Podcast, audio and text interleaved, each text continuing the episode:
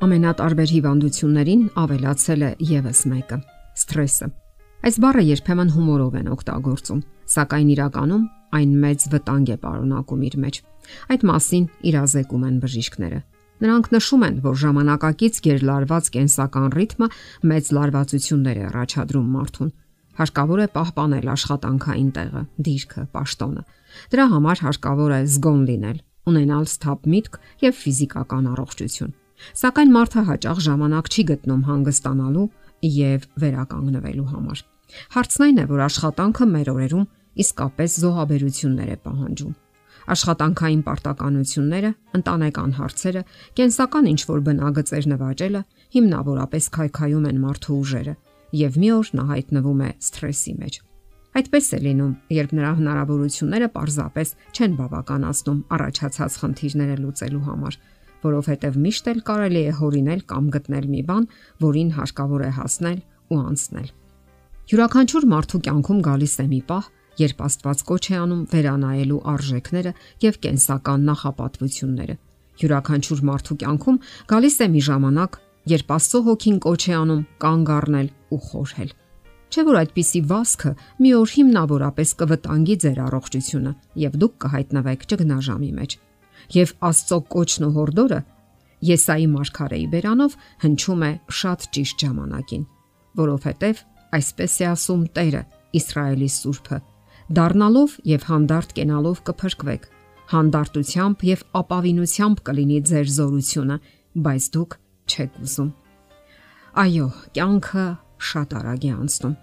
Շատերը չեն էլ հասցնում հասկանալ, թե ինչ կատարվեց, երբ կանգնում են ծերության կամ մահվան շեմին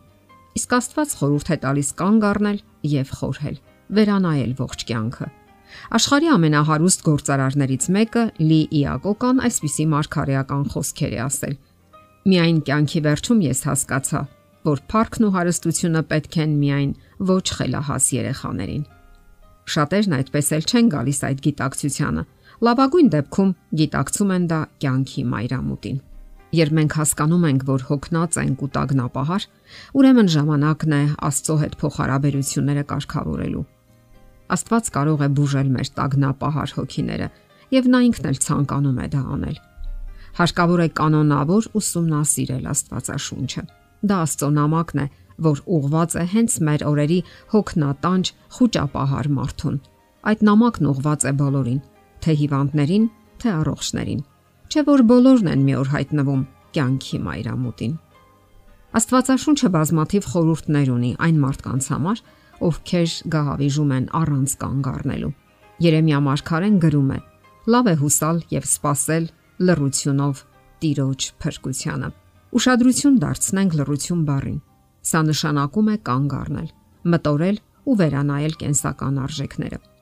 Ինչ արժեքներով ենք ապրում մենք Արդյոք ունենք ամենօրյա կապ Աստծո հետ։ Արդյոք լրության մեջ մտորում ենք Աստծո մասին եւ սպասում նրա գալուստին ու փրկությանը։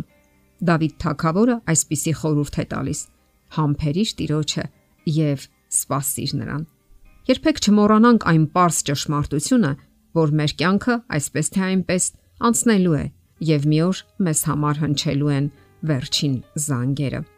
Վերոհիշյալ համարում համբերել բառի փոխարեն օգտագործվում է հնազանդություն, արտահայտությունը։ Համբերել, հուսալ եւ սпасել Տիրոջը։ Հասկանալ Աստծո դերը մեր կյանքում, հնազանդվել եւ ապավինել նրան։ Ահա լավագույն հնարավորությունը Աստծո առաջարկած բժշկությունը եւ հավերժական կյանքը ընդունելու համար։ Իհարկե Աստված մեզ չի ազատում անհրաժեշտ ջանքերից, այլ սովորեցնում է, որ իրեն դնենք առաջին տեղում իրեն տանք նախապատվությունը։ Երբ Հիսուսն ապրում էր այս երկրում, նա ամեն ինչ անում էր իր հոր կամքի համեմատ ապրելու համար։ Եթե մենք հետևում ենք նրա օրինակին, ապա նա վստահեցնում է մեզ, որ կյանքի համար ամեն անհրաժեշտ բան կտրվի մեզ իր ժամանակին։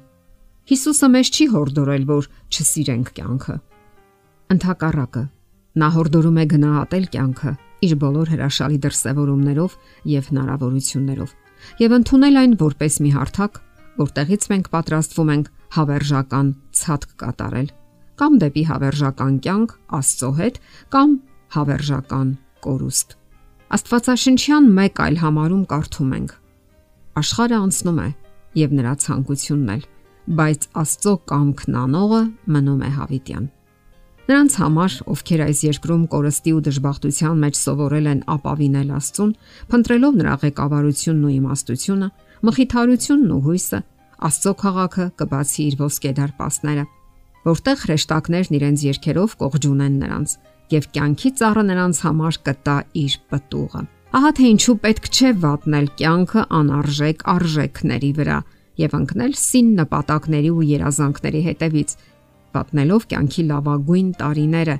երբ կարող էինք վայելել նրա ներկայությունը։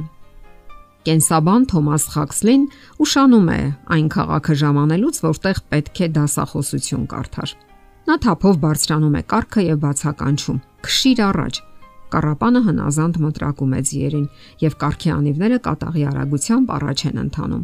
Հոգնած Խաքսլին տեղավորվում է նստարանին եւ մի քիչ թուլանում հետո ուշքի է գալիս եւ կառապանին հարցնում. Լսիր, գոնե գիտես թե ուր եմ գնում։ Ոչ, պարոն, պատասխանում է կառապանը, բայց ես գնում եմ այնքան արագ, որքան հնարավոր է։ Կանգ առեք եւ ընդունեք տիրոջ բժշկությունը։ Նա կարող է եւ ցանկանում է բուժել ձեր հոգնությունը։ Կընդունեք նրա հրավերը։ Աստված սպասում է ձեր պատասխանին, ձեր կյանքի յուրաքանչյուր պահի։ Եթերում է ղողանջ հավերժության հաղորդաշարը Ձեզ հետ է Գեղեցիկ Մարտիրոսյանը։